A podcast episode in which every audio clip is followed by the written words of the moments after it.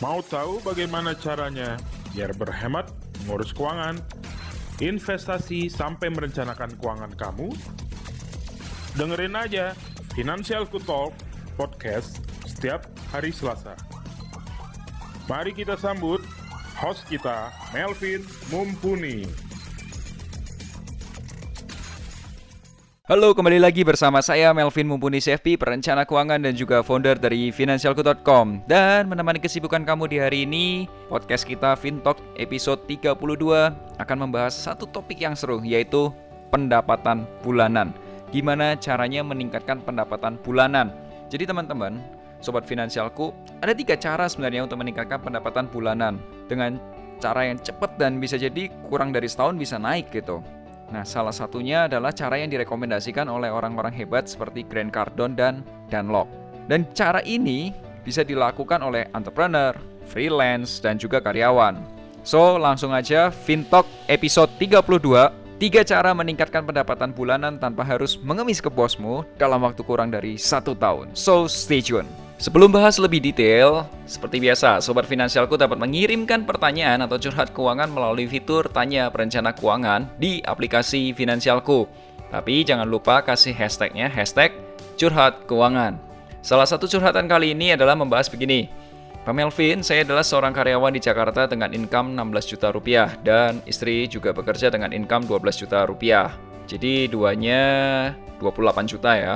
Saya selalu mendengarkan podcast Pak Melvin di Spotify. Saya ingin mencoba curhat keuangan.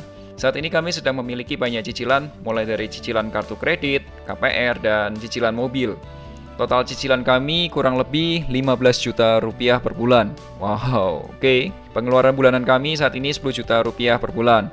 Dan kami bisa menyisakan sorry, 3 juta rupiah per bulan. Dan angka itu saya rasa kurang sehat. Saya ingin bebas dari utang saya. Di sisi lain, saya juga memiliki seorang anak yang tahun ini masuk SMP. Dalam waktu tiga tahun lagi, saya harus memasukkan dia ke SMA dan berikutnya kuliah, pastinya ya. Bagaimana cara menambah pemasukan saya supaya menyiapkan dana untuk kuliahnya? Dan pertanyaan berikutnya masih nyambung lagi nih. Saya mau tanya juga mengenai perencanaan dana hari tua. Apa yang harus saya lakukan untuk menyiapkan dana hari tua saya? Oke, terima kasih ya Mas atas jawabannya. Sukses selalu untuk finansialku. Dan jawaban saya adalah gini. Pak, saya melihat permasalahan keuangan Bapak ini cukup kompleks sebenarnya. Saya tidak bisa jelaskan satu persatu karena sebenarnya saya perlu breakdown datanya ya, supaya lebih jelas dan lebih terarah dan punya action plan gitu. Saya akan jawab lebih detailnya melalui tiket di aplikasi Finansialku. Namun ada beberapa poin yang bisa saya share di podcast ini. Tentunya buat teman-teman sobat Finansialku bisa juga belajar dari kasusnya Bapak ini. Poin pertama itu gini, memegang kendali keuangan dan managing cash flow. Itu problem utamanya. Masalah utamanya bukan di income yang kecil menurut saya, melainkan anda belum bisa memegang kendali atas keuangannya. Saya sarankan Anda baca penjelasan saya di buku Make a Plan, itu di bab 2 atau di bagian 2. Pada bagian 2 itu saya membahas hubungan manusia dan uang. Seseorang yang bisa mengendalikan uang, maka dia dapat hidup tenang dan tidak diperbudak oleh uang. Nah, kalau misal kitanya masih diperbudak sama uang, berarti kitanya belum bisa mengendalikan uang itu. Benar? Kalau kamu pengen tahu lebih detailnya, boleh deh pesan bukunya melalui Instagram. Caranya buka aja Instagram kamu, DM aja adminnya at financialku underscore com. Poin kedua yang ingin saya bahas adalah mengenai pinjaman. Sekarang ini, rasio utang terhadap penghasilan itu jujur aja ya, posisinya di 54%. Artinya 54% income kamu itu untuk bayar cicilan bulanan. Jujur, angka ini sangat jelek dan bisa merusak cash flow bulanan kamu. Terlebih kalau bunganya naik. Namanya juga pinjaman, ada beberapa yang tadi disebutkan, ada pinjaman KPR, ada KTA, dan itu biasanya, biasanya loh ya, bunganya itu tuh floating. Jadi dia bisa naik dan juga bisa turun, tapi jarang turunnya, sering naiknya. Jadi saya akan breakdown pinjaman yang ada dan saya akan coba lakukan strategi-strategi pelunasan utang. Saya ingin lihat utang apa yang memang memberikan bunga lebih besar, terbesar dan gimana sih caranya kita negoin supaya bunganya lebih kecil atau bisa diganti atau gimana lah? Caranya lah pokoknya kita perbaikin dari yang utang-utang itu. Dan yang ketiga poin ketiga adalah dana darurat dan manajemen risiko. Saya ingin tahu apakah likuiditas anda sudah cukup? Apakah ada dana darurat dalam jumlah yang cukup? Mengingat your saving just 3 juta rupiah per bulan. Setidaknya melihat latar belakang keluarga seharusnya anda memiliki dana darurat sebesar 12 kali pengeluaran. Kurang lebih 300 juta rupiah ada nggak tuh uangnya? Selain itu saya ingin tahu mengenai manajemen risiko yang sudah Anda lakukan. Seperti Anda beli mobil tentunya, berapapun harganya, safety menjadi your first concern, right? Jadi kalau kamu beli mobil, kamu pilihnya yang mobil aman dulu dong sebelum milih mobil yang keren, bener nggak? Nah saya ingin tahu nih, secara keuangan apakah kamu sudah terproteksi dalam jumlah yang cukup? Dan poin keempat, tujuan keuangan yang jangka menengah. Seperti yang Bapak ceritakan, Bapak butuh perencanaan dana pendidikan anak. Saya setuju sih jika Bapak memprioritaskan pendidikan anak. Ya karena pendidikan adalah warisan terbaik yang bisa diberikan orang tua ke anaknya. Dan ini akan saya bantu detailnya karena saya butuh data lebih dalam lagi. Dan yang kelima, poin kelima, tujuan keuangan jangka panjang. Saya sangat apresiasi Bapak karena Bapak tahu apa yang memang harus diprioritaskan. Saya memahami betul kondisi keuangan Bapak karena beberapa dari klien saya juga mengalami masalah yang sama seperti Bapak saat ini. Nah, satu hal yang saya apresiasi adalah Bapak memikirkan pensiun dan dana hari tua hanya orang seusia Bapak yang tidak memikirkan pensiunnya dan bisa menyebabkan new sandwich generation loh. Artinya ketika tua Anda hidup bergantung dari penghasilan anak. Saya rasa kita perlu bertemu beberapa kali karena permasalahan keuangan Bapak cukup kompleks, jujur aja. Semoga jawaban saya ini dapat membantu dan memberikan gambaran untuk Bapak dan sobat finansialku yang mendengarkan podcast ini. Jika teman-teman pengen tahu, pengen ngobrol juga, silahkan kontak saya melalui aplikasi finansialku. Jangan lupa curhat keuangan dan kita akan diskusi lebih banyak lagi. Oke, kita akan ngobrolin topik utama kita yaitu gimana caranya meningkatkan penghasilan atau income bulanan. So, stay tune. Warren Buffett pernah berkata, never depend on single income. Make investment to create a second source of income. Warren Buffett. Saya setuju sekali dengan nasihat tersebut. Saya selalu bilang ada tiga jenis pemasukan, yaitu pemasukan aktif, investasi, dan pasif. Pemasukan aktif itu seperti apa sih? Pemasukan aktif itu adalah pemasukan yang didapat karena seseorang itu menukarkan waktu, tenaga, pikiran, dan terkadang perasaan juga loh. Contoh nih, pemasukan aktif adalah gaji, bonus, tunjangan, success fee, komisi, selisih harga jual beli, dan lain sebagainya. Dan juga ada pemasukan investasi, adalah pemasukan yang didapat karena uang kecil bekerja dan menghasilkan uang yang lebih besar. Concernnya ada di uang dan waktu. Contoh adalah anda berinvestasi reksadana, investasi saham pakai value investing, atau juga investasi saham dividen stock atau juga investasi peer-to-peer lending dan lain sebagainya. Dan yang ketiga adalah pemasukan pasif. Pemasukan pasif ini adalah pemasukan yang didapat karena asetnya kita yang bekerja. Contoh, keuntungan dari sewa rumah di Airbnb atau sewa apartemen Airbnb, keuntungan dari rumah kos, keuntungan dari waralaba, keuntungan dari hak cipta dan lain sebagainya. Podcast episode kita kali ini, episode Fintalk episode 32, kita fokus bahas mengenai active income. Kita akan bahas penghasilan investasi dan penghasilan pasif di episode lainnya ya. Oke, concern saya adalah gini, why no side business? Kenapa nggak bisnis sampingan gitu? Saya ingin bercerita tentang pengalaman seorang karyawan namanya Rudi. Rudi adalah seorang karyawan kantoran di Jakarta, bagian keuangan. Dia memiliki penghasilan sebesar 9 juta rupiah per bulan. Bagaimana cara meningkatkan penghasilan bulanan Rudi? Nah, dalam podcast kali ini, saya tidak sarankan Rudi atau para karyawan itu memulai bisnis sampingan. Why? Kenapa? Jika saat ini anda bekerja sebagai seorang karyawan, termasuk Rudi, yang bukan orang sales marketing khususnya, memulai bisnis adalah pekerjaan yang membutuhkan 100% effort. Dan itu luar biasa effortnya. Bisa jadi lebih dari 100% effortmu. Ya kamu harus mulai loh mikirin brand kamu, mikirin produk kamu, kegiatan pemasarannya, penjualannya, pengirimannya, dan lain sebagainya. Nah, banyak yang harus diurus dan bisa jadi banyak trial dan error. Trial, error, trial, error, dan error, error, error, dan akhirnya kamu desperate, putus asa. Ya, tentu aja mulai bisnis baru itu mengorbankan banyak waktu, tenaga, pikiran, perasaan, uang juga dan kesehatan. Wow, banyak banget loh. Ya, kecuali Anda orang sales yang terbiasa menjual barang atau jasa ya beda lagi ceritanya ya. 80% masalah sudah bisa diselesaikan di awal kalau kamu orang sales. Nah sekarang gimana deh caranya nambah penghasilan tetap saya Kalau saya digaji katakanlah 5 juta per bulan Gimana caranya bisa lebih Atau kalau saya digaji 10 juta per bulan Gimana caranya supaya lebih Kita bahas mengenai fixed active income Oke okay? Oke okay, kita akan bahas mengenai fixed active income Jadi pendapatan aktif yang sifatnya fix Gajian bulanan contoh gitu lah ya Apakah Anda pernah mendengar nama Dan Lok? Saya sependapat dengan dia loh. Pertama, kalau kamu pengen ningkatin penghasilan apa ya penghasilan fix kamu ya kamu harus ningkatin keahlian kamu atau value kamu. Vin apa sih yang dimaksud value? Gini gini gini. Sebuah perusahaan membayar seseorang karyawannya itu karena ada dua hal. Orang pertama dibayar karena waktunya dan orang kedua dibayar karena value yang dimilikinya. Contoh keahliannya dia networknya dia dan lain sebagainya Nah, menurut kamu, siapa yang dibayar lebih mahal? Orang pertama yang dibayar karena waktu atau orang kedua yang dibayar karena value? Yes, tentu saja orang kedua yang dibayar karena value. So, Make yourself more valuable. Perusahaan yang benar akan senang membayar karyawannya yang dapat bekerja melebihi targetnya atau KPI-nya, Key Performance Indicators-nya atau Key Performance Index-nya dia. Kebanyakan orang itu bekerja sedikit lebih baik supaya nggak dipecat. Dan kebanyakan orang itu bekerja minimum effort dengan apa ya dengan effort seminimum mungkin dan mendapatkan gaji yang ya gitu-gitu lagi gitu. Ya karena apa pun effort yang diberikan penghasilannya ya tetap. Bener nggak? Tidak banyak orang yang mau bekerja extra mile. Lebih dari yang diharapkan atau lebih dari yang biasanya aja memberikan yang lebih kepada bosnya berangkat jam 8 lewat dikit berangkatnya telat pulangnya cepat targetnya terpenuhi 80% dan yang penting mengisi rutinitas harian di akhir bulan mengeluh duh di akhir tahun mengeluh minta gaji duh Ya, jika kamu bekerja sebagai karyawan, ya your boss is your customer, right? Make it very simple ya. Saya mau beri analogi seperti ini. Saya menjual aplikasi finansialku dengan harga 350.000 per tahun. Aplikasi ini bisa membantu kamu berhemat, mendapat pemasukan dengan investasi dan merencanakan keuangan. Misalkan nih ya, sekarang nih kamu buka Google Play Store, download dan upgrade aplikasi finansialku, maka kamu berharap kamu bisa berhemat lebih dari 350.000 per tahun. Atau kamu bisa mendapatkan keuntungan dari investasi lebih dari 350.000 per tahun. Atau kamu bisa merencanakan keuangan kamu buat beli paket liburan, beli kendaraan, beli rumah, dana pendidikan anak yang tentu aja nilainya lebih dari 350 ribu, betul nggak? Nah, begitu juga dengan bos kamu. Misal nih, sekarang kamu gajinya 10 juta per bulan. Ya, oleh bos kamu ya, kamu dikasih 10 juta per bulan atau 120 juta setahun.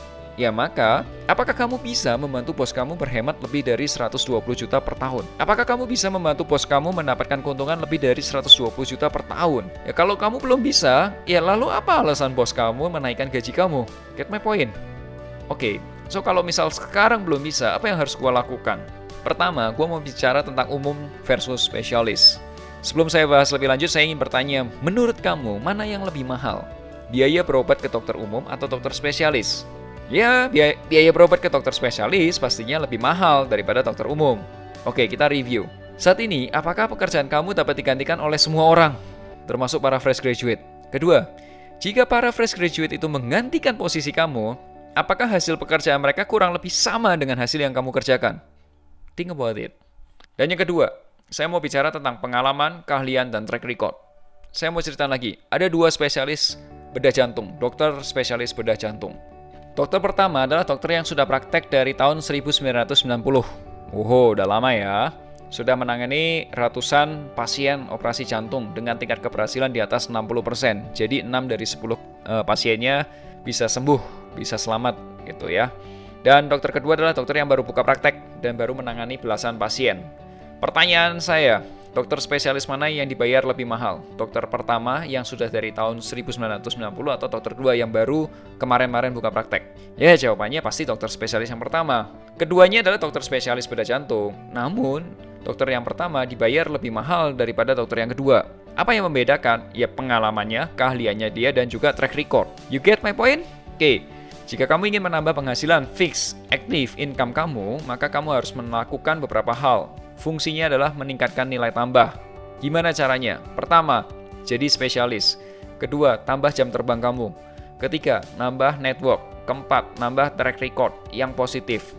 Artinya apa? Tunjukkan achievement kamu, suarakan achievement kamu. Dan bagaimana jika di pekerjaan sekarang ini ya saya bagian operasional aja gitu. Ya bagian keuangan lah, desainer lah, admin lah yang ya udah segitu aja mentok aja udah udah gue udah lakuin extra mile Vin. Gue udah udah melakukan yang lebih Vin. Tapi nggak bisa naik naik gitu. Ya jawabannya adalah dengan menambah variabel active income. Kita bahas di bagian berikutnya ya. So stay tune. Oke jadi kalau fix active income kamu sudah mentok-tok udah nggak bisa nambah lagi berikutnya yang kamu harus lakukan adalah coba cari variable active income atau komisi. Grant Cardone, seorang sales guy dari Amerika, pernah mengatakan commission income adalah penghasilan yang paling menarik. Why? Aduh, keren banget nih. Menurut Grant Cardone, commission income itu punya empat keunggulan. Pertama, commission income atau income dari komisi itu yang paling mudah, paling efektif untuk meningkatkan pendapatan bulanan. Kedua, penghasilannya itu sangat-sangat liquid. Kamu tinggal jualin barangnya, jasanya, terus kamu dapat uang. Sesimpel itu. Ketiga, performance base. Semakin banyak jualannya, semakin tinggi hasilnya. Ya, terus. Dan yang keempat, kamu dapat meleverage waktu serta uang. di mana pun kamu ketemu orang, kamu ngomong sama orang itu, jualan produknya, jualan jasanya, dan kamu dapat uang. Kurang lebih seperti itu. Dan satu hal yang dibutuhkan untuk mendapatkan commission income yaitu dengan komunikasi. Komunikasi dan komunikasi. Ya kamu perlu belajar bagaimana caranya berkomunikasi dengan orang. Kalau kamu nggak tahu gimana caranya berkomunikasi dengan orang, saya punya satu buku yang bisa saya sarankan yaitu dari Dale Carnegie, How to Win Friends and Influence People. Gimana caranya mendapatkan kawan dan mempengaruhi orang. Dan semoga saya punya kesempatan untuk bisa mewawancarai salah satu guru saya yang bekerja di Dale Carnegie Associate tentang sales. Ya, semoga ya bisa bicara dengan beliau. Oke, kita lanjut lagi nih. Jadi gini guys, sobat finansialku, beberapa waktu lalu selepas acara roadshow finansialku di Medan, saya pulang ke Bandung dengan pesawat. Nah, sembari di perjalanan, kurang lebih 2 atau 3 jam saya lupa loh ya detailnya, tapi saya baca buku yang berjudul Ten Road to Riches, karyanya Ken Fisher. Teman-teman boleh lihat bukunya itu juga ada di toko buku Gramet atau bisa juga di Amazon Book dan lain sebagainya lah. Nah, buku itu menjelaskan 10 jalan yang dapat membuat seseorang kaya, the truly rich, benar-benar kaya. Menurutmu, kira-kira cara kaya nomor satu itu apa? Chapter 1, The Richest Road is Entrepreneur. Apa yang dimaksud dengan entrepreneur? Gini, seorang entrepreneur yang sukses adalah seorang komunikator yang hebat. Komunikator itu orang yang ahli di bidang komunikasi. Jeff Bezos, founder Amazon.com. Bill Gates, founder Microsoft. Almarhum Steve Jobs, founder Apple. Jack Ma, founder Alibaba. Semuanya adalah orang-orang yang bisa berkomunikasi dengan jago. Mau bukti? Buka YouTube, lihat pidatonya mereka. Steve Jobs punya pidato yang keren, The Connecting Dots.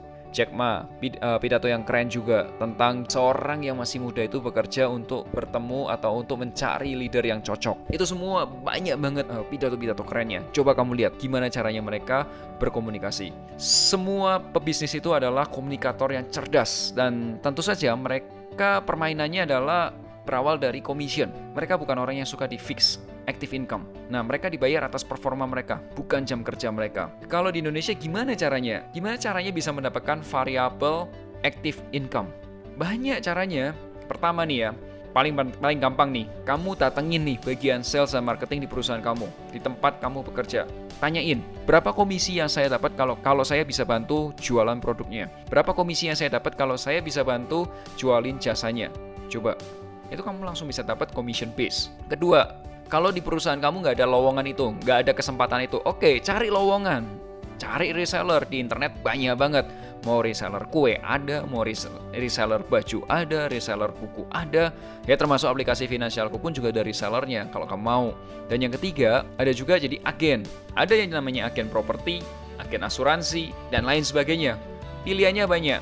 Cuma mau atau enggak, gitu aja sih. Ya Vin, sekarang ini fix active income gue udah mentok Terus gue jujur aja ya, gue nggak punya keahlian tuh untuk ngomong. Gue males untuk nambah pemasukan dari variabel active income. Ya, gimana dong solusinya? Nah solusinya nih ya, di bagian ketiga gue. Oke, so stay tune. Oke, cara terakhir menambah pemasukan aktif adalah dengan trading. Trading saham, forex, index, future, crypto, dan lain sebagainya. Wait, wait, wait, wait. Trading itu bukannya penghasilan investasi ya, dan risikonya juga besar ya, Vin. Hmm, Oke, okay. bukan. Trading itu bukan penghasilan investasi. Trading itu adalah penghasilan aktif. Karena kalau kamu nggak trading ya kamu nggak dapat pemasukan. Betul nggak? Trading jika diterjemahkan bebas dalam bahasa Indonesia artinya berdagang. Namanya orang berdagang ya pasti ada modal. Bedanya ini berdagang secara online. Mengenai risiko, risiko rugi, ya ada. Makanya itu bagian ini saya kasih yang bagian ketiga, bagian terakhir dan ini tidak cocok untuk semua orang. Hanya hanya orang-orang tertentu yang cocok untuk mendapatkan penghasilan dari trading. Saya akan jelaskan. Ilmu yang harus kamu pelajari adalah analisis technical atau technical analysis. Lalu apa yang bisa ditradingkan? Banyak banget. Bisa saham, valuta asing, forex, komoditi, indeks, cryptocurrency, dan lain sebagainya. Nah kalau kamu biasa kerja kantoran di pagi hari sampai sore ya, saya nggak saranin kamu trading saham ya tentu aja itu akan mengganggu kerjaan kamu. Kan ya masih banyak ada trading forex, indeks, komoditi, cryptocurrency setelah lepas jam kerja. Ingat ya, ingat ya, saya tidak suka orang yang korupsi waktu kerja. That's my point. Masalah utamanya bukan apa yang ditradingkan, tapi bagaimana bisa sukses sebagai seorang profesional trader. Saya ingin garis bawahi trading ini tidak cocok untuk semua orang karena butuh empat hal ini. Pertama, orang yang bisa mengendalikan diri dari rasa takut dan tamak. Kedua, orangnya mau belajar atau bisa menguasai analisis teknikal. Ya kalau kamu belum menguasai ya mau nggak mau ya kamu harus belajar analisis teknikal. Dan menurut saya analisis teknikal itu bukan ilmu yang mudah untuk dipelajari. Itu harus banyak latihan. Dan yang ketiga, mampu memanajemen uang. Ya namanya trading atau dagang ya harus tahu ngitung modal. Bener nggak? Mana ada orang dagang nggak bisa ngitung modal. Dan yang keempat, disiplin. Dan itu tadi pembahasannya saya nggak akan drill down di tempat trading, tapi kamu tahu kalau memang ada cara menambah penghasilan dengan cara trading. Oke, okay? so guys, apa yang bisa dapat kita pelajari atau dapat kita simpulkan dari Fintalk episode 32 kali ini? Oke, okay? kita bahas ya. Jika penghasilan kamu sekarang ini masih dirasa kecil, maka kamu bisa meningkatkan pendapatan bulanan kamu. Ada tiga cara yang saya sarankan, yaitu satu, meningkatkan nilai tambah di fixed active income. Artinya, tingkatkan pengalaman kamu, network kamu, keahlian kamu, dan track record kamu. Dengan meningkatkan nilai tambah, maka kamu digaji karena value, bukan karena waktu. Yang kedua, membuat faktor kali dari variable active income. Artinya, kamu mencari opportunity, ya bisa dikerjakan kamu sekarang atau di pekerjaan luar, untuk mendapatkan penghasilan dari komisi. Dan yang ketiga, kamu bisa meningkatkan pendapatan pendapatan bulanan dengan trading di saham, forex, indeks, komoditas, dan cryptocurrency. Namun, trading hanya cocok untuk orang yang bisa mengendalikan dirinya dari faktor takut dan tamak, menguasai technical analysis, mampu mengatur uang, dan disiplin. Memang, meningkatkan pendapatan bulanan itu nggak mudah, tapi saya yakin kamu bisa. Semoga setelah mendengarkan podcast Fintalk episode 32 ini, kamu bisa mendapatkan banyak insight untuk meningkatkan pendapatan bulanan kamu. Dan akhir kata, make a plan and get your financial dreams come true. Sampai jumpa di podcast Fintalk episode berikutnya.